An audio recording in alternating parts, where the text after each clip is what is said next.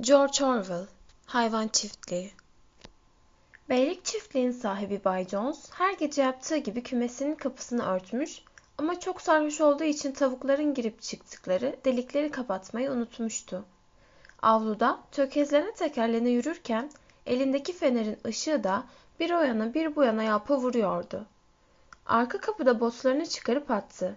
Kilerdeki fıçıdan son bir bardak daha bira doldurup bir dikişte içti. Sonra üst kata çıkıp yatak odasına girdi. Bay Jones horul horul uyuyordu. Yatak odasının ışığı söner sönmez çiftliğin tüm binalarında bir patırtı, bir koşuşturmadır başladı. Gündüzden haber salınmıştı. Koca reis dedikleri bir zamanlar ödül kazanmış erkek domuz bir gece önce gördüğü garip düşü tüm hayvanlara anlatmak istiyordu. Bay Jones ortalıktan çekilir çekilmez herkesin büyük samanlıkta toplanması kararlaştırılmıştı. Koca reise çiftlikte o kadar büyük bir saygı duyuluyordu ki onun ne diyeceğini öğrenmek için herkes uykusundan olmaya razıydı. Reis büyük samanlığın bir köşesinde tavandaki kirişlerinden birinden sarkan bir fenerin aydınlattığı bir yükseltinin üzerine serili saman döşeğine kurulmuştu bile. 12 yaşındaydı. Son zamanlarda gövdesi biraz yağ bağlamıştı. Uzun, sivri köpek dişleri hiç kesilmemiş olmasına rağmen bilge ve babacan görünen heybetli bir domuzdu. Çok geçmeden öteki hayvanlar da birbiri ardı sıra sökün ettiler. Yola yordamınca yerlerini almaya başladılar. Önce Bluebell, Jessie ve Pincher adlı üç köpek göründü. Ardından domuzlar geldiler. Yükseltinin hemen önündeki samanların üzerine yerleştiler. Tavuklar pencere eşiklerine tünediler. Güvercinler çatı kirişlerine kondular. Koyunlarla inekler domuzların arkasına uzanıp geviş getirmeye koyuldular. Boxer ve Clover adlı iki araba atı içeri birlikte girdiler. Samanların arasında göremeyecekleri kadar küçük bir hayvan bulunabileceği kaygısıyla ağır ağır yürüyor, kıllı, kocaman ayaklarını yere usulca basıyorlardı. Clover orta yaşlı sayılabilecek iri yarı anaç bir kısraktı. Dördüncü tayını doğurduktan sonra eski endamını bir türlü bulamamıştı. Boxer ise neredeyse 2 metre yüksekliğinde, 2 beygir gücünde çok iri bir hayvandı. Alnından burnunun üstüne doğru inen akıtma onu biraz ahmak gösteriyordu. Gerçekten de çiftlikteki hayvanların en zekisi sayılmazdı. Ama sağlam kişiliği ve akıllara durgunluk veren çalışkanlığıyla herkesin saygısını kazanmıştı. Atların ardından beyaz keçi Muriel ile Benjamin adlı eşek göründüler. Benjamin çiftliğin en yaşlı, en huysuz hayvanıydı. Ağzından bal damladığı söylenemezdi. Ama az söyler, öz söylerdi. Tanrı bana sinekleri kovayım diye bir kuyruk vermiş. Ama keşke sinekler de olmasaydı kuyruğum da. Çiftlikteki hayvanlar arasında bir tek o hiç gülmezdi. Neden gülmediğini soranlara gülünecek ne var ki diye karşılık verirdi. Ama açıkça belli etmemesine karşın Baksır'a hayrandı. İkisi pazar günlerini birlikte geçirir, genellikle meyve bahçesinin arkasındaki çayırda hiç konuşmadan yan yana otlarlardı. İki at henüz yere uzanmışlardı ki annelerini yitirmiş yavru ördekler ciyak ciyak bağırarak birerle kol halinde samanlığa girdiler. Paytak paytak koşturuyor, ayaklar altında ezilmeyecekleri bir yer aranıyorlardı. Clover kocaman ön ayağıyla ördek yavrularının çevresinde bir duvar ördü. Onlar da oraya sığınıp birbirlerine sokuldular ve o saat uykuya daldılar. Son anda Bay Jones'un iki tekerlekli arabasını çeken saçı uzun aklı kısa beyaz kısrak Molly çıka geldi. Ağzında kesme şekeri süzüm süzüm süzülerek içeri girdi. Kendine önlerde bir yer seçti. Bakışları üzerinde toplamak umuduyla kırmızı kurdelilerle örülü beyaz yelesini iki yana sallamaya başladı. Son olarak da kedi göründü. Huyu kurusun, hemen en sıcak yeri aranmaya başladı. Sonunda Boxer ile Clover'ın arasına sığıştı. Koca reisin söylevinin sonuna kadar söylediklerinin bir tekine bile kulak vermeden keyifli keyifli mırlayıp durdu. Arka kapının oradaki tünekte uyuyan evcil kuzgun Moses'ı saymazsak hayvanların tümü gelmişti artık. Reis baktı ki herkes yerini almış sus pus bekliyor, gırtlarını temizleyip konuşmaya başladı. Yoldaşlar, dün gece garip bir düş gördüğümü hepiniz biliyorsunuz. Düşe sonra geleceğim. Size daha önce başka bir şey söylemek istiyorum. Yoldaşlar, fazla bir ömrüm kaldığını sanmıyorum. Onun için bugüne kadar edindiğim bilgileri, deneyimleri sizlere aktarmayı görev biliyorum. Çok uzun yaşadım. Ağılığımda bir başıma yatarken düşünecek çok zamanım oldu. Bu dünyanın düzenini yaşamakta olan her hayvan kadar kavradığımı söyleyebilirim. Bugün sizlerle konuşmak istediğim de bu işte. Evet yoldaşlar, yaşadığımız hayat nasıl bir hayattır? Açıkça söylemekten korkmayalım. Şu kısa ömrümüz yoksulluk içinde sabahtan akşama kadar uğraşıp didinmekle geçip gidiyor. Dünyaya geldikten sonra yaşamamıza yetecek kadar yiyecek verirler. Ayakta kalanlarımızı canı çıkana kadar çalıştırırlar. İşlerine yaramaz duruma geldiğimizde de korkunç bir acımasızlıkla boğazlarlar. İngiltere'de bir yaşına geldikten sonra hiçbir hayvan mutluluk nedir bilmez. Hiçbir hayvan dinlenip eğlenemez. İngiltere'de hiçbir hayvan özgür değildir. Hayatımız sefillikten, kölelikten başka nedir ki? İşte tüm çıplaklığıyla gerçek budur. Peki bu durum doğanın bir yasası mıdır? Ülkemiz topraklarında yaşayanlara düzgün bir hayat sunamayacak kadar yoksul mudur? Hayır yoldaşlar, asla. İngiltere toprakları bereketlidir. Havası, suyu iyidir yurdumuzun. Bugün bu ülkede yaşayan hayvanlardan çok daha fazlasına bol bol yiyecek sağlayabilir. Yalnızca şu bizim çiftlik bile bir düzine atı, 20 ineği, yüzlerce koyunu besleyebilir. Besleyebilir ne demek? Onlara bugün bizim hayal bile edemeyeceğimiz kadar rahat ve onurlu bir hayat yaşatabilir. Öyleyse bu sefilliğe neden boyun eğelim? İnsanlar emeğimizle ürettiklerimizin neredeyse tümünü bizden çalıyorlar. İşte yoldaşlar, tüm sorunlarımızın yanıtı burada. Tek bir sözcükte özetlenebilir. İnsan, tek gerçek düşmanımız insandır. İnsanı ortadan kaldırın. Açlığın ve köle gibi çalışmanın temelindeki neden de sonsuza dek silinecektir yeryüzünden. İnsan, üretmeden tüketen tek yaratıktır. Süt vermez, yumurta yumurtlamaz, sabanı çekecek gücü yoktur. Tavşan yakalayacak kadar hızlı koşamaz. Gene de tüm hayvanların efendisidir. Hayvanları çalıştırır, karşılığında onlara açlıktan ölmeyecekleri kadar yiyecek verir. Geri kalanını kendine ayırır. Bizse emeğimizle tarlayı sürer, gübremizle toprağı besleriz. Oysa hiçbirimizin postundan başka bir şeyi yoktur. Siz, şu karşımda oturan inekler, bu yıl kaç bin litre süt verdiniz? Güçlü, kuvvetli danalar yetiştirmek için gerekli olan sütleriniz nereye gitti?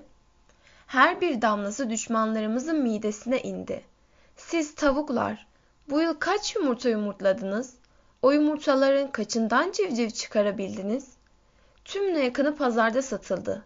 Jones ve adamlarına para kazandırdı.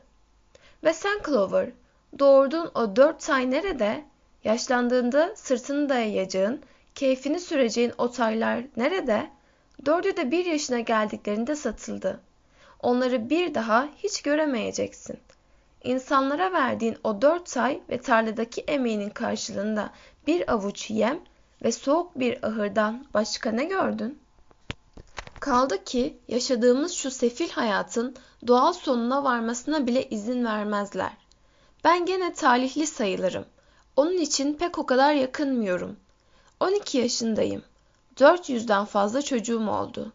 Bir domuz için çok doğal ama hiçbir hayvan sonunda o gaddar bıçaktan kaçamaz.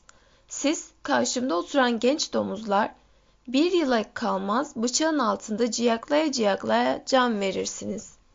İnekler, domuzlar, tavuklar, koyunlar. Bu korkunç son hepimizi bekliyor, hepimizi. Atların ve köpeklerin yazgısı da bizimkinden farklı sayılmaz. Sen, Boxer, şu koca kasların gücünü yitirmeye görsün. Jones o saat sakat ve kocamış atları alan kasaba satar seni. Kasap da gırtlağını keser. Kazanda kaynatıp av köpeklerine mama yapar. Köpeklere gelince yaşlanıp dişleri dökülmeye görsün. Jones boyunlarına bir taş bağlar ve en yakın göle atar. Öyleyse yoldaşlar, bu hayatta başımıza gelen tüm kötülüklerin insanların zorbalığından kaynaklandığı gün gibi açık değil mi? Şu insanoğlundan kurtulalım. Emeğimizin ürünü bizim olsun. İşte o zaman zengin ve özgür olacağız. Öyleyse ne yapmalı? Gece gündüz var gücümüzle insan soyunu alt etmeye çalışmalı. İşte söylüyorum yoldaşlar. Ayaklanın. Bu ayaklanma ne zaman gerçekleşir bilemem. Bir haftaya kadar da olabilir, yüz yıla kadar da. Ama şu ayaklarımın altındaki samanı gördüğüm gibi görüyorum. Hak er geç yerini bulacaktır. Yoldaşlar, şu kısa ömrünüzde bunu aklınızdan çıkarmayın. Ve en önemlisi bu öğüdümü sizden sonra gelenlere iletin ki gelecek kuşaklar zafere kadar savaşsın. Ve yoldaşlar, kararlılığınız asla ama asla sarsılmasın. Hiçbir tartışma sizi yolunuzdan saptırmasın. İnsan ile hayvanların ortak bir çıkarı vardır. Birinin dirliği, öbürlerinin de dirliğidir diyenler çıkabilir. Onlara sakın kulak asmayın. Hepsi yalan. İnsanoğlu kendinden başka hiçbir yaratığın çıkarını gözetmez. Bu savaşımızda hayvanlar arasında tam bir birlik kurun. Kusursuz bir yoldaşlık sağlayın. Bütün insanlar düşmandır. Bütün hayvanlar yoldaştır. Tam o sırada müthiş bir gürültü koptu.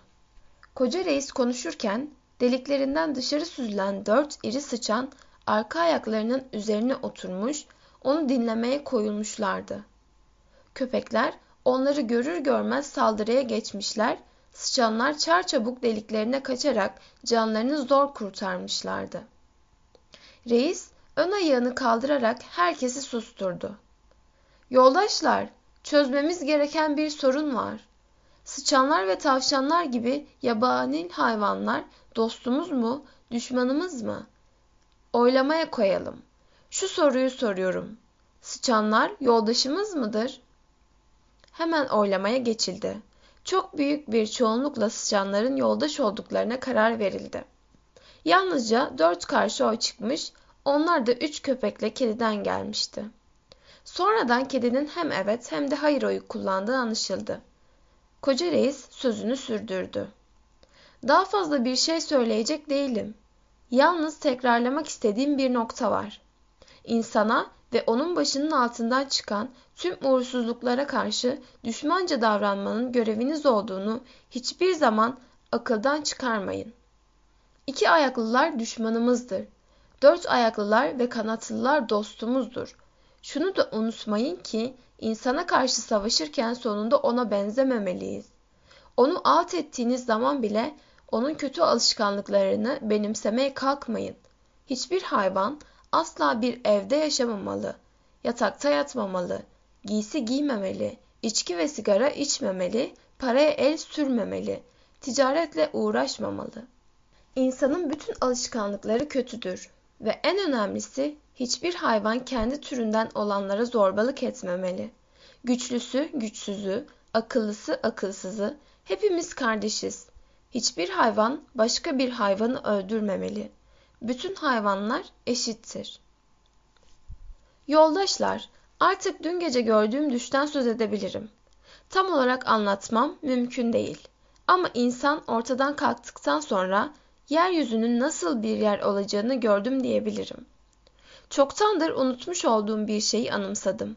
Yıllar önce ben küçük bir domuzken annem ve öteki dişi domuzlar yalnızca ezgisini ve ilk üç sözcüğünü bildikleri eski bir şarkı söylerlerdi. Şarkının ezgisini çocukken öğrenmiştim ama nicedir aklımdan çıkmıştı. Dün gece düşümde geri geldi şarkının ezgisi. Dahası şarkının sözlerini de anımsadım.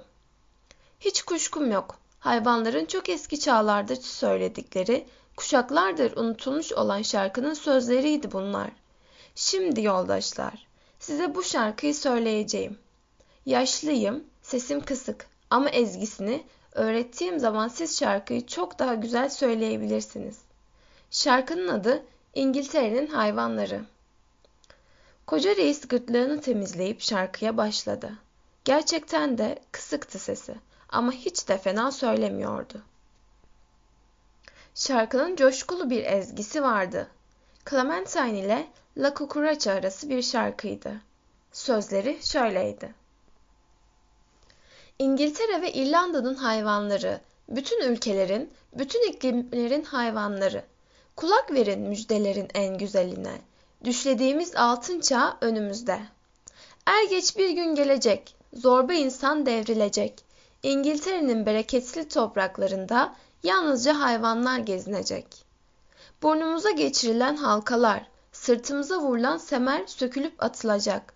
Karnımıza saplanan mahmus çürüyüp paslanacak. Acımasız kırbaç bir daha şaklamayacak. Zenginlikler düşlere sığmayacak. Buğdayı arpası, yulafı samanı, yoncası, baklası, pancarı o gün hepsi bizim olacak. İngiltere'nin çayırları daha yeşil, ırmakları daha aydınlık olacak.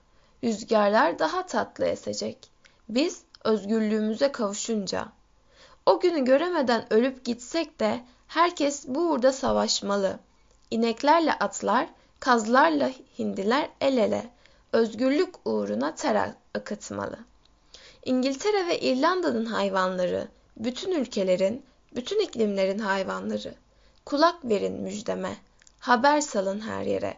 Düşlediğimiz altın çağ önümüzde. Şarkı hayvanların yüreğine yabani bir coşku salmıştı. Reis daha sonuna gelmeden hep birlikte söylemeye başlamışlardı. En aptalları bile şarkının ezgisini ve birkaç sözünü kapmıştı. Domuzlar ve köpekler gibi akıllı olanları ise şarkının tümünü birkaç dakikada ezberlemişti. Birkaç denemeden sonra hep bir ağızdan söyledikleri İngiltere'nin hayvanları ile inledi çiftlik. İnekler böğürüyor, köpekler havlıyor, koyunlar meyliyor, atlar kişniyor, ördekler vaklıyordu. O kadar hoşlarına gitmişti ki şarkıyı baştan sona tam beş kez söylediler. Bay Jones uyanmasa belki de sabaha kadar söyleyeceklerdi. Ama ne yazık ki Bay Jones gürültüden uyandı. Avluya tilki girdiğini sanarak yatağından fırladı. Her zaman yatak odasının köşesinde duran tüfeğini kaptığı gibi karanlığa saçma yağdırdı. İri saçmalar samanlığın duvarına saplanır saplanmaz toplantıdaki hayvanlar çil yavrusu gibi dağıldılar. Herkes yattığı yere koştu. Kuşlar tüneklerine sıçradılar. Hayvanlar saman döşeklerine uzandılar. Çok geçmeden bütün çiftlik uykuya daldı. Koca reis üç gece sonra uykusunda huzur içinde öldü. Meyve bahçesinin kıyısında bir yere gömdüler. Reis öldüğünde Mart ayının ilk günleriydi. Bunu izleyen üç ay boyunca bir sürü gizli etkinlik yürütüldü. Reisin konuşması, çiftliğin daha akıllı hayvanlarının hayata yepyeni bir gözle bakmalarını sağlamıştı. Öngördüğü ayaklanmanın ne zaman meydana geleceğini bilen yoktu. Böyle bir baş kaldırıyı görebilecek kadar yaşayıp yaşamayacaklarını da bilmiyorlardı. Ama görevlerinin o güne hazırlamak olduğunu açık seçik görebiliyorlardı. Ötekileri eğitme ve örgütleme işi doğal olarak genellikle hayvanların en zekileri diye bilinen domuzlara verildi. Domuzların en yeteneklileri Bay Jones'u satmak için yetiştirdiği Snowball ve Napoleon adlı iki genç erkek domuzdu. Napoleon iri kıyım, sert bakışlı bir Berkshire domuzuydu. Daha doğrusu çiftlikteki tek Berkshire'dı. Pek konuşkan sayılmazdı ama istediğini söke söke almayı bilen biri olarak tanınırdı. Snowball, Napoleon'dan daha canlı, daha hayat dolu bir domuzdu. Hem ağzı daha iyi laf yapardı hem de daha yaratıcıydı. Ama kişiliğinin Napolyon kadar sağlam olmadığı söylenirdi. Çiftliğin erkek domuzlarının hepsi de besi domuzuydu. İçlerinde en ünlüsü tombalak Squealer, yanakları yüz yuvarlak, gözlerini sürekli kırpıştıran, şirret sesli, yerinde duramayan bir hayvandı. Parlak bir konuşmacıydı. Zorlu bir konuyu tartışırken bir yana bir bu yana sıçrar, kuyruğunu hızlı hızlı oynatırdı. Nedendir bilinmez. Bu hareketleri çok inandırıcı olmasını sağlardı. Squealer için karayı ak yapar derlerdi. Bu üçü koca reisin düşüncelerini geliştirerek dört dörtlük bir öğretiye dönüştürmüşler, adına da animalizm demişlerdi. Haftanın birkaç gecesi Bay Jones uyuduktan sonra samanlıkta gizli toplantılar düzenliyor, hayvancılığın temel ilkelerini öbür hayvanlara anlatıyorlardı. İlk başlarda büyük bir ahmaklık ve vurdum duymazlıkla karşılaşmışlardı. Bazı hayvanlar Efendimiz dedikleri Bay Jones'a bağlılığın bir görev olduğundan dem vuruyorlar. Bazıları da Bay Jones bizi besliyor, o olmazsa açlıktan ölürüz gibisinden salakça laflar ediyorlardı. Kimileri biz öldükten sonra olacakların bize ne yararı dokunur ki? Ya da madem bu ayaklanma nasıl olsa gerçekleşecek, bu uğurda çalışmışız, çalışmamışız ne fark eder gibi sorular soruyorlardı. Domuzlar bu tür konuşmaların hayvancılığın ruhuna aykırı olduğunu kavratana kadar akla karayı seçiyorlardı. Soruların en ahmakçası ak kısrak Molly'den gelmişti. Molly'nin Snowball'a sorduğu ilk soru ayaklanmadan sonra da şeker bulabilecek miyiz olmuştu. Snowball hayır diye kesip atmıştı. Bu çiftlikte şeker meker üretemeyiz. Kaldı ki şeker gerekmeyecek. Dilediğin kadar yulaf ve saman yiyebileceksin. Bu, bu kez peki yeleme gene kurdele takabilecek miyim diye sormuştu Molly. Snowball bak yoldaş demişti. Senin onsuz edemediğin kurdele köleliğin simgesidir. Özgürlüğün kurdelelerden çok daha değerli olduğunu kafana almıyor mu? Molly kabul derken pek inanmış görünmüyordu. Domuzlar evcil kuzgun Moses'ın yaydığı yalanların önünü almak için daha da zorlu bir savaşı vermek zorunda kaldılar.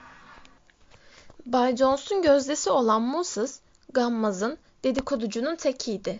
Ama ağzı iyi laf yapardı. Gene bir masal uydurmuştu. Sözüm ona, Balbadem diyarı denen gizemli bir ülke vardı.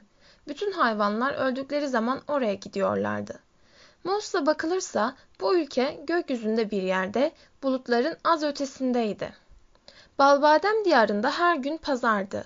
Dört mevsim yonca biter, ağaçlar ve çalılar, kesme şeker ve keten tohumu küspesinden geçilmezdi. Gerçi hayvanlar gününü masal anlatmakla geçirdiği ve hiç çalışmadığı için Moses'dan nefret ediyorlardı. Ama gene de Balbadem diyarı masalına inananlar çıkmadı değil. Domuzlar onları böyle bir yer olmadığına inandırabilmek için az dil dökmediler. En sadık tilmizleri iki araba atı Boxer ile Clover'dı. Kendi başlarına düşünmekte epeyce zorlanan bu iki at, domuzları öğretmen belledikten sonra onların her dediğini tartışmasız benimsemiş ve olduğu gibi öteki hayvanlara aktarmışlardı. Samanlık'taki gizli toplantıları hiç kaçırmıyor, her toplantının bitiminde söylenen İngiltere'nin hayvanları şarkısında başı çekiyorlardı. Derken ayaklanma umulandan çok daha erken, herkesin beklediğinden çok daha kolay gerçekleşti. Bay Jones hayvanlara çok sert davranmasına karşın becerikli bir çiftçiydi. Ama son zamanlarda işleri bozulmuştu. Hele bir davada para kaptırınca umudunu iyiden iyiye yitirmiş, sağlığını bozacak ölçüde içkiye vermişti kendini. Bazen günlerce mutfaktaki koltuğunda aylak aylak oturuyor, gazete okuyup içkisini içiyor, arada sırada bir aya batırdığı ekmek parçalarıyla Moses'ı besliyordu. Yanında çalışanlar tembel ve sahtekardı. Tarlaları ayrı kotları bürümüştü. Binaların damlarının onarılması gerekiyordu. Çitler bakımsızdı. Hayvanlar doğru dürüst beslenmiyordu. Haziran gelmişti. Otlar biçilmeye neredeyse hazırdı. Bay Jones bir cumartesi gününe denk düşen yaz gün dönümünden hemen önce Willington'a gidip Kırmızı Aslan meyhanesinde kör kütük sarhoş olunca çiftliğe ancak pazar günü öğle saatlerinde dönebildi. İşçiler sabah erkenden inekleri sağmışlar, hayvanların yemini vermeden tavşan ayla avlamaya gitmişlerdi. Bay Jones eve döner dönmez oturma odasındaki kanepeye uzanmış, News of the World gazetesine göz atarken uyuyakalmıştı. Hava karardığında hala aç olan hayvanlar sonunda dayanamadılar. İneklerden biri boynuzuyla ambarın kapısını kırdı. İçeri dalan hayvanlar yem kovalarından karınlarını doyurmaya koyuldular. Tam o sırada uyanıveren Bay Jones dört işçisini de yanına alıp ambara koştu. Hep birlikte hayvanları kırbaçlamaya başladılar. Bu da hayvanların sabrını taşıran son damla oldu. Önceden hiçbir şey tasarlamamalarına karşın topluca zorbaların üstüne atıldılar. Jones'la işçilerine dört bir yandan toz vurup çifte atıyorlardı. Hayvanları daha önce hiç böyle görmemiş olan adamlar ne yapacaklarını şaşırmışlar. O güne değin diledikleri gibi sopa atıp eziyet ettikleri hayvanların bu umulmadık baş kaldırısı karşısında dehşete kapılmışlardı. Baktılar olacak gibi değil, korunmaya çabalamayı bırakıp tabanları yağladılar. Patikadan aşağı ana yola doğru yer yapelek koşuştururlarken hayvanlar da zafer çığlıkları atarak onları kovalıyorlardı. Bay Jones yatak odasının penceresinden olup biteni görmüştü. Birkaç parça eşyayı toparladığı gibi bir heybeyi tıkıştırıp çiftliğin arka yolundan savuşu verdi. Moses da tüneyinden sıçradı. Kanat çırpıp avızı çıktığı kadar bağırarak kadının ardına takıldı. Bu arada hayvanlar Jones ile adamlarını yola kadar kovalamışlar, beş kol demiri bulunan çiftlik kapısını arkalarından hızla çarpıp kapatmışlardı. Böylece daha ne olduğunu anlamalarına kalmadan ayaklanma başarıyla sonuçlanmış, Jones çiftlikten kovulmuş, beylik çiftlik olarak kalmıştı. Hayvanlar talihlerinin böylesine yolunda gittiğine bir süre inanamadılar. Önce köşede bucakta saklanmış bir insan olup olmadığını anlamak için bir araya toplanıp çiftliği çepeçevre dolaştılar. Sonra çiftlik binalarına koşup Jones'un uğursuz saltanatının son izlerini de yok etmeye koyuldular. Ahırların bitimindeki koşum takımlarının durduğu odanın kapısı kırıldı. Gemler, burun halkaları, köpek zincirleri, Ban Jones'un domuzları ve kuzuları iyiliş ederken kullandığı kıyıcı bıçaklar kuyunun dibine boyladı. Dizginler, yularlar, meşin göz siperleri, onur kırıcı yem torbaları, avluda çöplerin yıkıldığı ateşe atıldı. Kamçılar da. Kamçıların alevlere karıştığını gören bütün hayvanlar sevinç içinde hoplayıp zıplıyorlardı. Snowball Pazara gidildiği günlerde atlıların yelelerini ve kuyruklarını süsleyen kurdeleleri de ateşe attı. Giysi insanoğlunu çağrıştırır dedi. Kurdele de giysiden sayılır. Tüm hayvanlar çıplak dolaşmalıdır. Snowball'un bu sözleri üzerine Boxer da yazın kulaklarını sineklerden korumak için kafasına geçirdiği küçük hasır şapkayı kaptığı gibi ateşe attı. Kısa bir süre sonra hayvanlar kendilerine Bay Jones'u anımsatan ne varsa yok etmiş bulunuyorlardı. Napolyon hepsini yeniden ambara götürdü.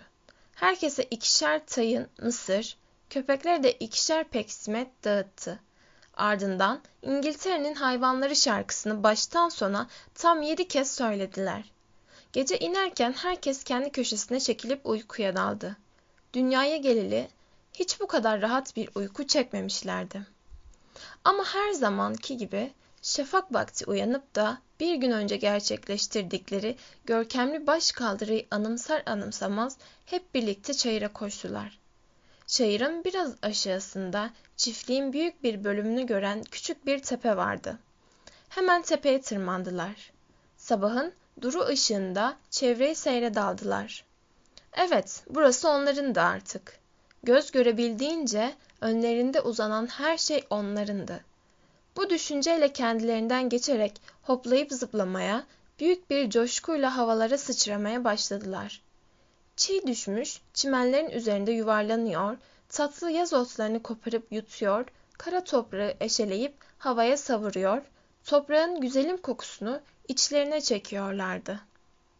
Sonra çiftliği baştan başa dolaşıp denetimden geçirdiler tarlayı, otlağı, meyve bahçesini, gölcüğü, koruyu dilleri tutulmuşçasına hayran hayran izlemekten alamadılar kendilerini.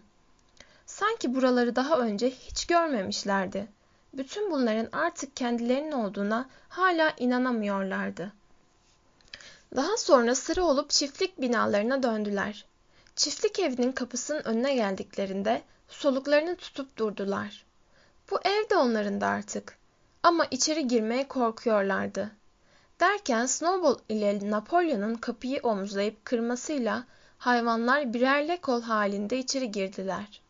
Ortalığı alt üst etmemek için attıkları adımlara büyük özen gösteriyorlar, parmaklarının ucuna basarak odadan odaya geçerken seslerinin duyulacağından korkuyormuşçasına fısıldaşarak konuşuyorlar, İçerideki görkeme, küştiye, şilteli yataklara, aynalara, at kalından dokunmuş kumaş kaplı sedire, Brüksel halısına, Kraliçe Victoria'nın oturma odasındaki şömine rafının üstünde duran taş baskı portresine biraz gözleri kamaşarak, biraz da korka korka bakıyorlardı.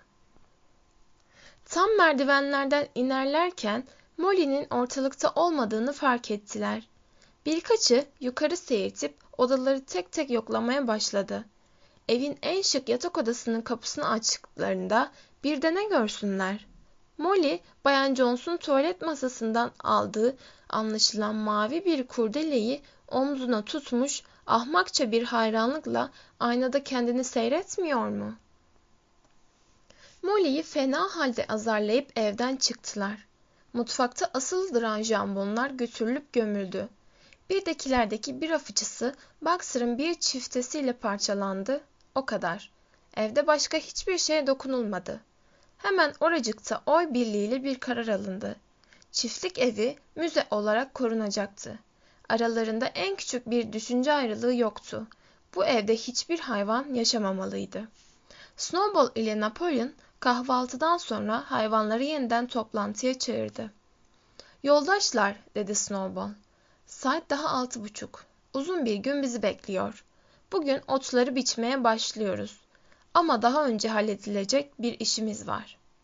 Sonunda anlaşıldı ki iki domuz çöpler arasında Bay Jones'un çocuklarının bir okuma kitabını bulmuş, son üç ay boyunca bu kitaptan okuma yazma öğrenmişlerdi. Napolyon siyah ve beyaz boya kutularını getirtti. Hayvanların başına geçerek onları ana açılan çiftlik kapısının oraya götürdü. Snowball'da en az en iyi yazı yazan oydu. Fırçayı iki toynağının arasına geçirip kapının en üstteki kol demirine yazılı Beylik Çiftlik adını karaladı, yerine hayvan çiftliği yazdı.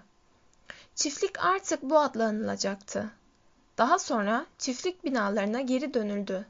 Snowball ile Napolyon bir merdiven getirtip büyük samanlığın duvarına dayadılar. Domuzlar üç aydır sürdürdükleri çalışmalar sonucunda hayvancılığın temel ilkelerini yedi emirde toplamayı başarmışlardı. Şimdi bu yedi emir duvara yazılacak, hayvan çiftliğindeki tüm hayvanlar bundan böyle hayatlarının sonuna dek bu değişmez yasalara uyacaklardı. Snowball merdivene güç bela tırmandı ve işe koyuldu. Squealer da birkaç basamak aşağıda boya kutusunu tutuyordu. Yedi emir katran kaplı duvara 20-30 metreden okunabilen iri beyaz harflerle yazıldı. Yedi emir 1. İki ayak üstünde yürüyen herkesi düşman bileceksin. İkincisi, dört ayak üstünde yürüyen ya da kanatları olan herkesi dost bileceksin. Üçüncüsü, hiçbir hayvan giysi giymeyecek. Dördüncüsü, hiçbir hayvan yatakta yatmayacak. Beşincisi, hiçbir hayvan içki içmeyecek. Altıncısı, hiçbir hayvan başka bir hayvanı öldürmeyecek. Yedincisi, bütün hayvanlar eşittir. Emirler büyük bir özenle yazılmıştı.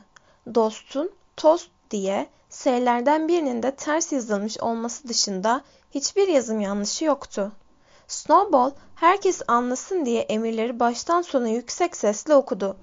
Hayvanların hepsi de kafalarını sallayarak emirler karşısında boyunlarının kıldan ince olduğunu belirttiler. En akıllı olanları ise hemen ezberlemeye başladı. Snowball boya fırçasını yere atıp haydi yoldaşlar diye bağırdı. Doğru tarlaya. Harman'ı Jones ve adamlarından daha çabuk kaldırmanın onurunu yaşayalım. Ama tam o sırada bir süredir gergin görünen üç inek böğürmeye başladı. Sütleri 24 saattir sağılmamış olduğundan memeleri patladı patlayacaktı. Domuzlar biraz düşündükten sonra kovaları getirttiler. Ön ayakları bu işe yatkın olduğu için ustalıkla sağdılar inekleri. Çok geçmeden kovalar köpüklü kaymaklı sütle dolmuştu. Hayvanların birçoğu sütlere ağızları sulanarak bakıyorlardı. İçlerinden biri bu kadar süt ne olacak diye soracak oldu. Jones bazen yemimize süt katardı dedi tavuklardan biri. Bunun üzerine Napolyon kovaların önüne geçerek sütü kafanıza takmayın yoldaşlar diye bağırdı. Gereği yapılır merak etmeyin. Hasat daha önemli. Snowball yoldaş başı çekecek ben de birazdan geliyorum. İleri yoldaşlar hasat bizi bekler. Hayvanlar sürü halinde tarlaya varıp hasadı kaldırmaya koyuldular. Akşam geri döndüklerinde sütlerin ortadan kaybolmuş olduğunu fark edeceklerdi. Hasadı kaldırana kadar ırgatlar gibi çalıştılar. Baştan ayağa tere battılar. Ama emekleri boşa gitmemişti. Hasat umduklarından da bereketliydi. Zaman zaman analarından emdikleri süt burunlarından geldi. Aletler hayvanlara göre değil, insanlara göre yapılmıştı. Arka ayaklarının üzerine kalkmalarını gerektiren aletleri kullanmamaları çok büyük bir zorluk çıkarıyordu. Ama domuzlar o kadar akıllıydılar ki her güçlüğün üstesinden gelmenin bir yolunu buluyorlardı. Atlara gelince onlar tarlayı karış karış biliyorlar, ekinlerin biçilip toplanması işinden Jones ile adamlarından çok daha iyi anlıyorlardı. Domuzlar doğru, doğrudan çalışmıyorlar, öbürlerini yönetiyor ve denetliyorlardı. Üstün bilgileriyle önderliği üstlenmeleri doğaldı. Boxer ile Clover kendilerini atla çekilen tarağa koşuyor, tarlanın çevresinde ağır ağır dönenip duruyorlar. Arkalarından gelen domuz da ikide bir deh yoldaş ya da çüş yoldaş diye sesleniyordu.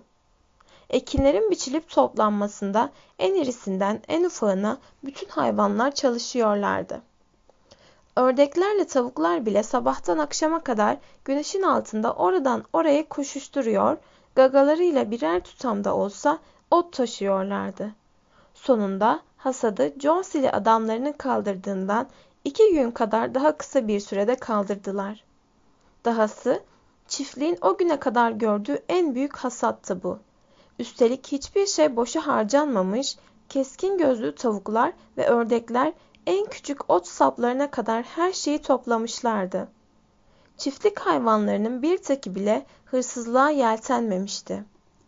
O yaz çiftlikte işler yolundaydı.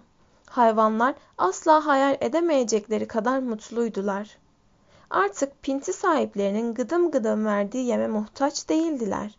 Kendileri tarafından ve kendileri için üretilen tümüyle, tümüyle kendilerinin olan yiyecekleri yiyorlardı. Her lokmadan büyük bir tat alıyorlardı. Ciğeri beş para etmez, asalak insanlar yok olup gittikleri için herkese daha çok yiyecek düşüyordu. Deneyimden yoksun olmalarına karşın daha çok boş vakit bulabiliyorlardı. Birçok güçlükle karşılaşıyorlardı. Örneğin mevsim ilerleyip de hasat zamanı geldiğinde çiftlikte harman makinesi bulunmadığından başakları eski çağlardaki gibi ayaklarıyla ezmek, kabuklarını da üfleyerek havaya savurmak zorunda kalmışlardı. Ama domuzların zekası ve Boxer'ın güçlü kaslarıyla her türlü zorluğun üstesinden gelebiliyorlardı. Boxer'a herkes hayrandı. Jones'un zamanında da yorulmak nedir bilmeyen bir hayvan olan Boxer, şimdi neredeyse 3 beygir gücünde çalışıyordu. Öyle günler oluyordu ki çiftliğin işleri tümden onun güçlü omuzlarına yıkılıyordu. İşin en ağır olduğu yerde her zaman o vardı. Sabahtan akşama kadar durdurak bilmeden uğraş veriyordu. Kendisini sabahları ötekilerden yarım saat önce uyandırması için genç horozlardan biriyle anlaşmıştı. Gündelik işler başlayana kadar en çok gerek duyulan yere koşuyor, orada gönüllü olarak çalışıyordu. Çalışmayı kendisine yasa edinmişti sanki. Bir sorun, bir terslik çıkmaya görsün. O saat daha da sıkı çalışacağım deyip işe koyuluyordu. Aslında herkes kendi gücü ve yeteneğine göre iyi çalışıyordu.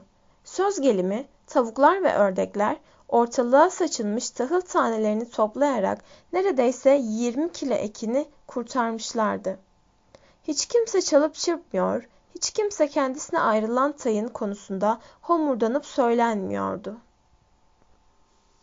Bir zamanlar çiftlikteki hayatın olağan özelliklerinden sayılan kavgalar, ısırmalar, kıskançlıklar neredeyse tümüyle ortadan kalkmıştı. Kimse işten kaçmıyordu, bir kişi dışında. Evet, Molly'nin sabahları erken kalkmamak gibi bir sorunu vardı. Üstelik ikide bir toynağına giren bir taşı bahane ederek işi erken bıraktığı da oluyordu. Doğrusu kedi de bir tuhaftı. Bir süre sonra yapılacak bir iş çıktığında hiçbir zaman ortalıkta görünmediği anlaşılmıştı. Saatlerce ortadan kayboluyor ama yemek vakti geldiğinde ya da akşamüstü işler sona erdiğinde hiçbir şey olmamışçasına ortaya çıkıyordu. Ama her seferinde öyle güzel bahaneler uyduruyor, öylesine sevecen mırlıyordu ki herkesi iyi niyetine inandırmayı başarıyordu. Yaşlı eşek Benjamin ayaklanmadan bu yana hiç değişmemiş gibiydi. Tıpkı Bay Jones'un zamanında olduğu gibi gene uyuşuk ve dik kafalıydı. Ne işten kaytarıyordu ne de fazla çalışmaya gönül veriyordu. Ayaklanma ve sonuçları konusunda en küçük bir görüş belirtmiyordu. Jones çiftlikten gittikten sonra daha mutlu olup olmadığı sorulduğunda eşekler uzun yaşar, hiç ölmüş bir eşek gördünüz mü hayatınızda demekle yetiniyor, herkesi bu belirsiz yanıtla yetinmek zorunda bırakıyordu. Pazarları çalışılmıyordu. Her günkünden bir saat geç yapılan kahvaltıdan sonra her pazar mutlaka göndere bayrak çekilmesiyle başlayan bir tören düzenleniyordu. Snowball Koşum takımlarının durduğu odada Bayan Jones'un eski bir masa örtüsünü bulmuş, yeşil örtünün üzerine beyaz boya ile bir toynak ve bir de boynuz resmi yapmıştı. Bayrak pazar sabahları çiftlik evinin bahçesindeki göndere çekiliyordu. Snowball'un açıklamasına göre bayrağın yeşil zemini İngiltere'nin yemyeşil çayırlarını temsil ediyor, toynak ile boynuz ise insan soyu bir daha geri gelmemek üzere ortadan kaldırıldığında doğacak olan geleceğin hayvan cumhuriyetini simgeliyordu. Bayrağın göndere çekilmesinden sonra tüm hayvanlar büyük samanlığa doluşarak toplantı denilen genel kurula to katılıyorlardı. Toplantıda bir sonraki haftanın işleri konuşuluyor, alınacak kararlar tartışılıyordu. Alınması gereken kararlar her zaman domuzlar tarafından ortaya atılıyordu. Öteki hayvanlar nasıl oy verileceğini biliyorlar ama kendi başlarına bir karara varamıyorlardı. Toplantıların en ateşli tartışmacıları Snowball ile Napoleon'dı. Ama bu ikisi asla anlaşamıyorlardı. Birinin ak dediğine öbürü mutlaka kara diyordu. Kimsenin karşı çıkamayacağı bir karara varıldığında bile birbirine girmenin bir yolunu buluyorlardı. Örneğin meyve bahçesinin arka tarafındaki çayırın artık çalışamaz durumda olan hayvanların dinlenme yeri olarak belirlenmesi kararlaştırıldıktan sonra farklı türden hayvanların emeklilik yaşlarının ne olması gerektiği konusunda kapışmışlardı. Her toplantının sonunda mutlaka İngiltere'nin hayvanları şarkısı söyleniyor, öğleden sonraları ise eğlenceye ayrılıyordu. Domuzlar koşum takımlarının durduğu odayı karargah edinmişlerdi. Akşamları burada çiftlik evinden getirmiş oldukları kitaplardan nalbantlık, marangozluk gibi gerekli uğraşları okuyup öğreniyorlardı. Snowball ayrıca öteki hayvanların hayvan kurullarında örgütlenmesiyle de uğraşmakta, bu iş için bıkmadan usanmadan çaba harcamaktaydı. Okuma yazma sınıflarının yanı sıra tavuklar için yumurta üretim kurulu, inekler için temiz kuyruklar birliği, sıçanlar ve tavşanlar evcilleştirilmesi için yabanıl yoldaşların yeniden eğitim kurulunu kurmuş koyunlar içinde daha beyaz yün hareketini oluşturmuştu. Bu atılımların çoğu bir sonuca varamadı. Söz gelimi, yabanıl hayvanları evcilleştirme girişimi daha başından başarısızlığa uğradı. Yabanıl hayvanlar eskisi gibi davranmayı sürdürüyorlar, kendilerine gösterilen hoşgörüyü hemen kötüye kullanıyorlardı. Kedi yeniden eğitim kuruluna katılmış ve bir süre canla başla çalışmıştı. Bir gün bir de bakmışlardı, damda oturmuş, erişemeyeceği uzaklıktaki serçelerle konuşuyor, onlara artık bütün hayvanların yoldaş olduğunu, dilerlerse hiç çekinmeden gelip pençesine konabileceklerini anlatıyordu. Ama serçeler kedinin yanına bile yaklaşmamışlardı. Öte yandan okuma yazma sınıfları çok başarılı olmuştu. Güz geldiğinde çiftlikteki hemen her hayvan az çok okuma yazma biliyordu. Domuzların okuma yazması kusursuzdu. Köpekler okumayı çok iyi öğrenmişlerdi. Gel gör ki yedi emirden başka bir şey okudukları yoktu. Keçi Muriel'ın okuması köpeklerden de iyiydi. Bazı akşamlar çöplükte bulduğu gazete parçalarını getirip öbür hayvanlara okuyordu. Domuzlar kadar iyi okuyabilen Benjamin'in ise bu yeteneğini kullandığı pek görülmemişti. Ben okumaya değer bir şey göremiyorum, diyordu. Clover alfabeyi baştan sona öğrenmişti ama sözcükleri sökemiyordu. Bak sıra gelince o D'den ileri gidememişti. Koca ayağıyla toprağın üzerine A, B, C, D harflerini yazıyor, sonra kulaklarını arkaya yatırıp yelesini sallayarak harflere aval aval bakıyor, D'den sonra gelen harfi çıkarmaya çabalıyor ama bir türlü beceremiyordu. Birkaç kez E, F, G, H öğrenmiş ama öğrenir öğrenmez bu kez A, B, C, D'yi unuttuğunu fark etmiş, en sonunda alfabenin ilk dört harfiyle yetinmeye karar vermişti. Unutmamak için bu dört harfi her gün bir iki kez yazıyordu. Molly ise adındaki altı harften başka tek bir harf öğrenmemekte diretiyordu.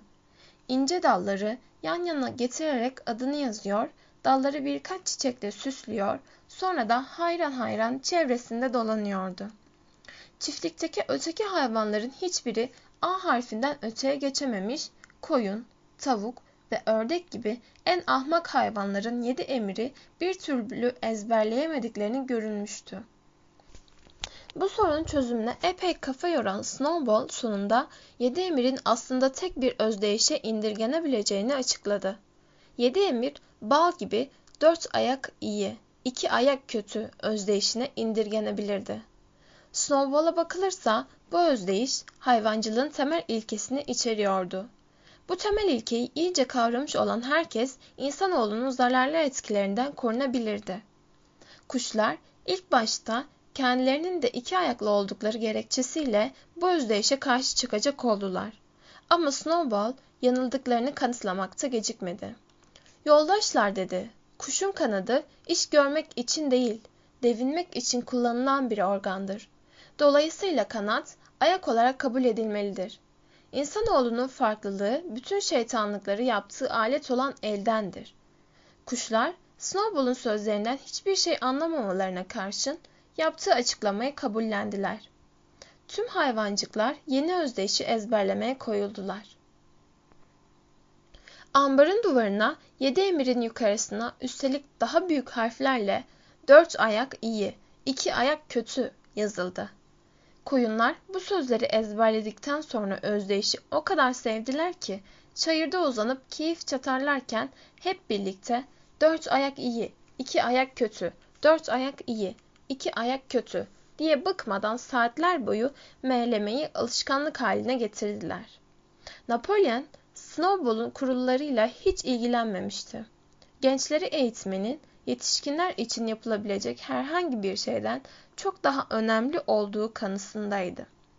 Jesse ile Bluebell hasattan hemen sonra yavrulamışlar, dokuz sağlıklı yavru dünyaya getirmişlerdi. Yavrular sütten kesilir kesilmez Napolyon eğitimlerini kendisinin üstleneceğini söyleyerek onları analarından ayırmıştı. Sonra da yavruları sadece koşum takımlarının durduğu odadaki bir merdivenden çıkılabilen tavan arasına kapatmış, öylesine gözlerden ırak tutmuştu ki öteki hayvanlar bir süre sonra varlıklarını bile unutmuşlardı. Sütlerin nereye gittiği çok geçmeden anlaşıldı. Sütler her gün domuzların lapasına karıştırılıyordu. Elmalar artık olgunlaşmaya yüz tutmuşlardı. Meyve bahçesinin çimenleri rüzgarla dökülen elmalarla kaplıydı. Hayvanlar doğal olarak elmaların eşit bir biçimde paylaşılacağını umuyorlardı.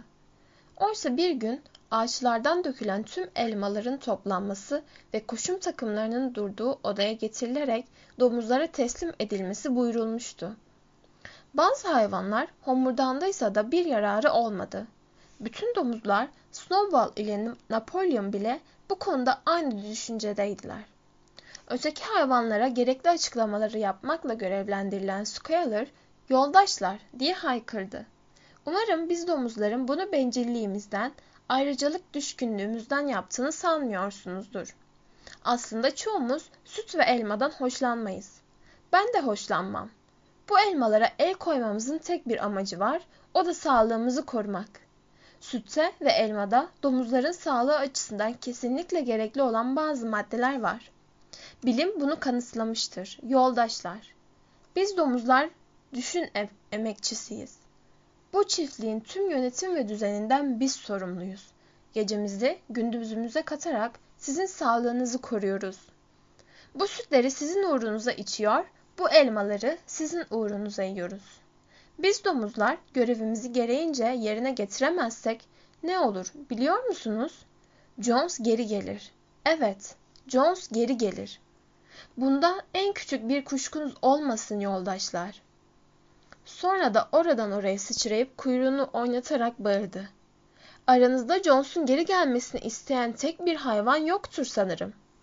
Hayvanların en küçük bir kuşku duymadıkları tek bir şey varsa o da Jones'un geri dönmesini istemedikleriydi. Domuzları sağlıklı tutmanın önemi çok açıktı. Böylece tartışma büyümeden bütün sütün ve rüzgarla ağaçlarda dökülen elmaların hepsinin domuzlara ayrılması herkesçe kabul edildi. Koca bir yıl köle gibi çalıştılar. Ama böyle çalışmaktan mutluydular. Ne yapıyorlarsa bir avuç aylak soyguncu insanın çıkarı için değil, kendi çıkarları uğruna ve gelecek kuşaklar için yaptıklarının bilincinde olduklarından var güçleriyle çabalıyorlar, her türlü özveriye sessizce katlanıyorlardı. İlkbahar ve yaz boyunca haftada 60 saat çalışmışlardı. Ağustos geldiğinde Napolyon pazarları öğleden sonra da çalışılacağını açıkladı. Bu kesinlikle gönüllü bir çalışma olacak ama işe gelmeyen her hayvanın sayını yarıya indirilecekti. Böyle olmasına karşın bazı işlerin yapılmasından vazgeçmek zorunda kalındı. Hasat önceki yıl kadar bereketli değildi. İki tarla vaktinde sürülemediği için ekilememişti. Yaklaşmakta olan kışın zorlu geçeceğini kestirmek için de kahin olmak gerekmiyordu. Yel değirmeni beklenmedik güçlükler çıkarıyordu. Çiftlikte büyük bir kireç taşı ocağı vardı. Küçük binalardan birinde kum ve çimento bulunmuştu. Dolayısıyla her türlü inşaat malzemesi ellerinin altındaydı. Ama hayvanların ilk başta çözemedikleri sorun taşların uygun boyutta parçalara nasıl ayrılacağıydı. Keski ve balyoz gerekiyordu. Oysa hayvanlar arka ayaklarının üzerinde duramadıkları için bu aletleri kullanamıyorlardı. Haftalar boyu düşünüp taşındılar. Tam umutlarını yitirmek üzereydiler ki biri bir çözüm buldu yer çekiminden yararlanılacaktı. Taş ocağı kırılmadan kullanılmayacak kadar büyük kaya parçalarıyla doluydu. Bu kaya parçalarını iplerle bağladılar. Sonra inekler, atlar, koyunlar, ipi tutabilen tüm hayvanlar, zor durumlarda domuzlar bile kayaları ağır ağır yokuş yukarı taş ocağının tepesine kadar çektiler. Oradan salıverdikleri kayalar aşağıda paramparça oluyordu. Taşları taşımak daha kolaydı. Atların çektiği yük arabaları çok işe yaradı. Koyunlar taşları teker teker sürüklediler. Muriel ile Benjamin bile kendilerini eski bir arabaya koşarak katkıda bulundular. Yaz sonuna kadar yeterince taş yığılınca domuzların gözetimi altında inşaat başladı. Ne var ki çok vakit alan zorlu bir uğraş vermişlerdi. Tek bir kaya parçasının taş ocağının tepesine çıkartılması çoğu zaman bütün bir günlerini alıyor ve olağanüstü bir çaba gerektiriyordu. Bazen de aşağı yuvarlanan kaya parçalanmıyordu. gücü neredeyse geri kalan hayvanların tümünün gücüne eşit olan Boxer olmasaydı belki de bu işin üstesinden gelemeyeceklerdi. Tepeden aşağıya kayan kaya parçasıyla birlikte sürüklendiklerini gören hayvanlar umarsızca bağırmaya başlayınca Boxer hemen imdada yetişiyor, ipe olanca gücüyle asılarak kayayı durduruyordu. Hayvanlar onun kayanın kaymasını önlemek için soluk soluğa didinişini, ayaklarının ucuyla toprağa tutunuşunu, geniş sarılarının kantar içinde kalışını hayranlıkla izliyorlardı. Bazen Clover onu kendisine fazla zorlamaması için uyarıyor ama Boxer ona asla kulak asmıyordu. Daha çok çalışacağım ve Napolyon her zaman haklıdır sloganları onun gözünde bütün sorunların ilacıydı. Kendisini yarım saat değil de 45 dakika erken uyandırması için küçük horozla anlaşmıştı. Bütün bunlar yetmiyormuş gibi artık iyice azalmış olan boş vakitlerinde de tek başına taş ocağına gidiyor, kırılmış taşları topluyor, kimseden yardım görmeksizin sürükleyerek yel değirmeninin yapılacağı yere getiriyordu. İşlerin ağırlığına karşın hayvanlar o yazı çok da kötü geçirmediler. Tayınları Johnson zamanınkinden çok çok değildi. Ama az da sayılmazdı. En azından artık doymak nedir bilmeyen beş insanı beslemekten kurtulmuşlardı. Yalnızca kendilerini besliyor olmalarının keyfi o kadar büyüktü ki çektikleri güçlüklere seve seve katlanıyorlardı. Ayrıca hayvanların iş görme yöntemi birçok bakımdan daha verimliydi ve emek savurganlığı önlüyordu. Söz gelimi, yaban otlarının ayıklanması gibi işler insanların hiçbir zaman erişemeyeceği bir yetkinlikle yapılıyordu. Artık hiçbir hayvan hırsızlığa yeltenmediği için de otlağı tarlalardan çitlerle ayırmaya gerek kalmamıştı. Bu da çitlerin ve parmaklıkların bakımı ve onarımına harcanan emekten kazanılmasını sağlıyordu. Gene de yaz ilerledikçe önceden kestirilemeyen bazı eksiklikler kendini duyurmaya başladı. Gaz yağı, çivi, ip ve köpek bisküvisine at nalı için demire gereksinim vardı. Üstelik bunların hiçbiri çiftlikte üretilebilecek şeyler değildi. Sonradan tohum ve suni gübreye, çeşitli aletlere ve yel değirmeni için bir takım makine parçalarına da gereksinim duyulacaktı. Bunların nasıl sağlanacağını kimse bilemiyordu. Bir pazar sabahı buyruk almak için toplanıldığında Napolyon yeni bir siyaset belirlediğini açıkladı. Artık hayvan çiftliği komşu çiftliklerle alışverişe girecekti. Hiç kuşkusuz tecimsel amaçlarla değil, yalnızca ivedilikle gerekli olan bazı malzemeleri edinebilmek amacıyla Napolyon, yel değirmeninin gereksinimleri her şeyin üstünde tutulmalıdır diyordu. Bu yüzden de büyük bir saman yığınını ve o yılın buğday ürününün bir bölümünü satmak üzere anlaşmalar yapıyordu. Sonradan daha fazla para gerekirse Wellington'da her zaman pazarı olan yumurtalar da satılabilirdi. Napolyon'a bakılırsa tavuklar bunu yel değirmeninin yapımına kendi özel katkıları olarak görmeli, böyle bir özveride bulunmaktan kaçınmalıydılar. Hayvanlar bir kez daha belli belirsiz bir tedirginliğe kapılmışlardı. İnsanlarla asla iş yapılmayacak, asla ticarete girilmeyecek, asla para kullanılmayacak.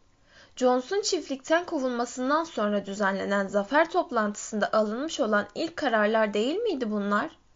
Bu kararların onaylandığını bütün hayvanlar anımsıyorlardı ya da en azından an anımsadıklarını sanıyorlardı. Napolyon'un toplantıları kaldırmasını protesto etmiş olan dört küçük domuz seslerini ürkekçe yükseltecek oldularsa da ansızın köpeklerin ürkünç hırlamaları karşısında susmak zorunda kaldılar. Hemen ardından koyunlar her zamanki gibi dört ayak iyi, iki ayak kötü diye meylemeye başladılar ve gergin hava geçiştirilmiş oldu. Az sonra Napolyon ön ayağını kaldırarak herkesi susturdu ve her şeyi çoktan ayarladığını açıkladı. Çiftlikteki hayvanların insanlarla ilişkiye girmesinin son derece sakıncalı olacağını bildiği için buna gerek kalmayacak koşulları oluşturmaya karar vermişti. Tüm sorumluluğu kendi üstlenecekti. Wellington'da oturan Bay Wimper adlı bir avukat, hayvan çiftliği ile dış dünya arasındaki işlerde aracılık etmeye razı olmuştu. Her pazartesi sabahı çiftliğe gelip Napolyon'dan talimat alacaktı. Napolyon konuşmasını her zaman olduğu gibi yaşasın hayvan çiftliği çığlığıyla tamamladıktan sonra hayvanlar İngiltere'nin hayvanları şarkısını söyleyip dağıldılar. Çok geçmeden Schuyler çiftliğe dolaşıp hayvanların kafalarında beliren kuşkuları gidermeye koyuldu. İnandırıcı bir dille aslında ticaret yapılmaması ve para kullanılmamasına ilişkin hiçbir karar alınmadığını, dahası böyle bir kararın önerilmesinin bile söz konusu olmadığını anlattı. Bütün bunlar büyük bir olasılıkla Snowball'un ilk başlarda yaydığı yalanlardan kaynaklanan bir hayal ürünüydü. Squealer bazılarının kafalarındaki kuşkuların gene de dağılmadığını fark ederek kurnazca sordu. Bu sakın düşünüzde gördüğünüz bir şey olmasın yoldaşlar. Böyle bir kararın belgesi var mı? Bir yerde yazılı mı? Gerçekten de ortalıkta böyle bir yazılı belge bulunamadığından hayvanlar yanıldıklarını kabullenmek zorunda kaldılar. Bay Wimper önceden kararlaştırdığı gibi her pazartesi çiftliğe uğruyordu. ıvır zıvır işlerle uğraşan bir avukat olan Bay Wimper favorili, ufak tefek, bakışları yaramaz bir adamdı. Ama hayvan çiftliğinin eninde sonunda bir komisyoncuya gereksinim duyacağını ve bu komisyoncunun payının hiç de az olmayacağını çok önceden fark edecek kadar da açık gözdü. Hayvanlar onun gelip gidişlerini ürkerek izliyorlar, onunla karşılaşmaktan elden geldiğince kaçınıyorlardı. Ama gene de dört ayaklı Napolyon'un iki ayaklı Wimper'a buyruklar verdiğini görmek gururlarını okşuyor, bu yeni durumu bir ölçüde de olsa benimsemeye sağlıyordu. İnsan soyuyla ilişkileri pek eskisi gibi değildi artık. İnsanların hayvan çiftliğine duydukları nefret azalmış değildi. Tam tersine çiftliğin geliştiğini gördükçe her zamankinden daha çok nefret eder olmuşlardı. Hepsi de çiftliğin eninde sonunda sıfırı tüketeceğine, daha da önemlisi yel değirmeni tasarısının tam bir fiyaskoyla sonuçlanacağına yürekten inanıyordu. Meyhanelerde bir araya geliyorlar, yel değirmeninin asla yapılamayacağını, yapılsa bile hiçbir zaman işlemeyeceğini birbirlerine çizimlerle anlatıp kanıtlamaya çabalıyorlardı. Öte yandan hayvanların kendi işlerinin üstesinden beceriyle gelmelerine istemeye istemeye de olsa hayranlık duyuyorlardı. Çiftliğin adının aslında beylik çiftlik olduğunu ileri sürüp durmaktan caymış olmaları ve artık hayvan çiftliği adını kullanmaları bunun bir göstergesiydi. Çiftliğini geri alma umudunu yitirip ülkenin başka bir yöresine gitmiş olan Jones'u savunmaktan da vazgeçmişlerdi. Hayvan çiftliği ile dış dünya arasında Wimper dışında hiçbir bağ yoktu. Ama Napolyon'un Foxwood çiftliğinden Bay Wellington'la ya da Pinchfield çiftliğinden Bay Frederick'le somut bir iş anlaşması yapmak üzere olduğu yolunda sürekli söylentiler dolaşıyor ancak hiçbir zaman ikisiyle birden aynı anda anlaşmayacağı konuşuluyordu. İşte tam o sıralar domuzlar çiftlik evine taşındılar. Orayı kendilerine mesken edindiler. Hayvanlar bir kez daha böyle bir davranışı yasaklayan bir karar alınmış olduğunu anımsar gibi oldularsa da Squealer onları bir kez daha durumun hiç de böyle olmadığına inandırmayı başardı. Çiftliğin beyinleri olan domuzların sessiz ve sakin bir yerde çalışmalarının kesinlikle gerekli olduğunu söyledi. Kaldı ki Önder, son zamanlarda Napolyon'dan hep Önder diye söz eder olmuştu. Önder saygınlığı açısından basit bir ağıl yerine bir evde yaşaması daha uygundu. Gene de bazı hayvanlar domuzların yemeklerini mutfakta yemekte ve oturma odasını eğlence salonu olarak kullanmakla kalmadıklarını, aynı zamanda yataklarda yattıklarını işittiklerinde epeyce rahatsız oldular. Boxer bu durumu her zamanki gibi Napolyon her zaman haklıdır diyerek geçiştirdi. Ama yatakta yatmayı yasaklayan kesin bir yasa olduğunu anımsar gibi olan Clover, büyük samanlığın duvarının önüne gitti ve orada yazılı olan yedi emri okumaya çalıştı. Baktı ki tek tek harflerden başka bir şey sökemiyor. Muriel'ı çağırdı. Muriel dedi. Dördüncü emri oku bakayım bana. Yatakta asla yatılmaması konusunda bir şey diyor mu? Yazıyı güç bela okuyan Muriel, hiçbir hayvan çarşaf serili yatakta yatmayacak yazıyor dedi. Biraz tuhaftı. Clover, dördüncü emirde çarşaftan söz edildiğini hiç anımsamıyordu. Ama madem ki duvarda yazıyordu, o zaman elden bir şey gelmezdi. O sırada yanında iki üç köpekle oradan geçmekte olan Squealer, konuyu yerli yerine oturmakta gecikmedi. Yoldaşlar dedi. Anlaşılan biz domuzların çiftlik evinde yataklarda yattığımızı duymuşsunuz. Neden yatmayalım ki? Umarım yatağı yasaklayan bir buyruk olduğunu sanmıyorsunuzdur. Yatak, yatıp uyunan yerdir. Böyle bakıldığında ağıldaki saman yığını da yatak sayılır. Buyrukta bir insan buluşu olan çarşaf yasaklanıyordu. Biz de çiftlik evinin yataklarındaki çarşafları kaldırdık, battaniyelerle yatıyoruz. Üstelik yataklar çok rahat. Ama inanın bana, bugünlerde bir sürü konuda kafa patlatmak zorunda kalan bizler için bir yatak çok görülmemeli. Bu rahatlığı bize çok görmezseniz değil mi yoldaşlar? Görevlerimizi yerine getirmeyecek kadar yorgun düşmemizi istemezsiniz herhalde. Hiç sanmıyorum ki içinizde Jones'un geri dönmesini isteyen olsun. Hayvanlar bu konuda Squealer'a hemen güvence verdiler ve bir daha da domuzların çiftlik evinde yataklarda yatmaları konusunu açmadılar. Birkaç gün sonra domuzların artık sabahları öteki hayvanlardan bir saat geç kalkacakları açıklandığında kimsenin sesi çıkmadı.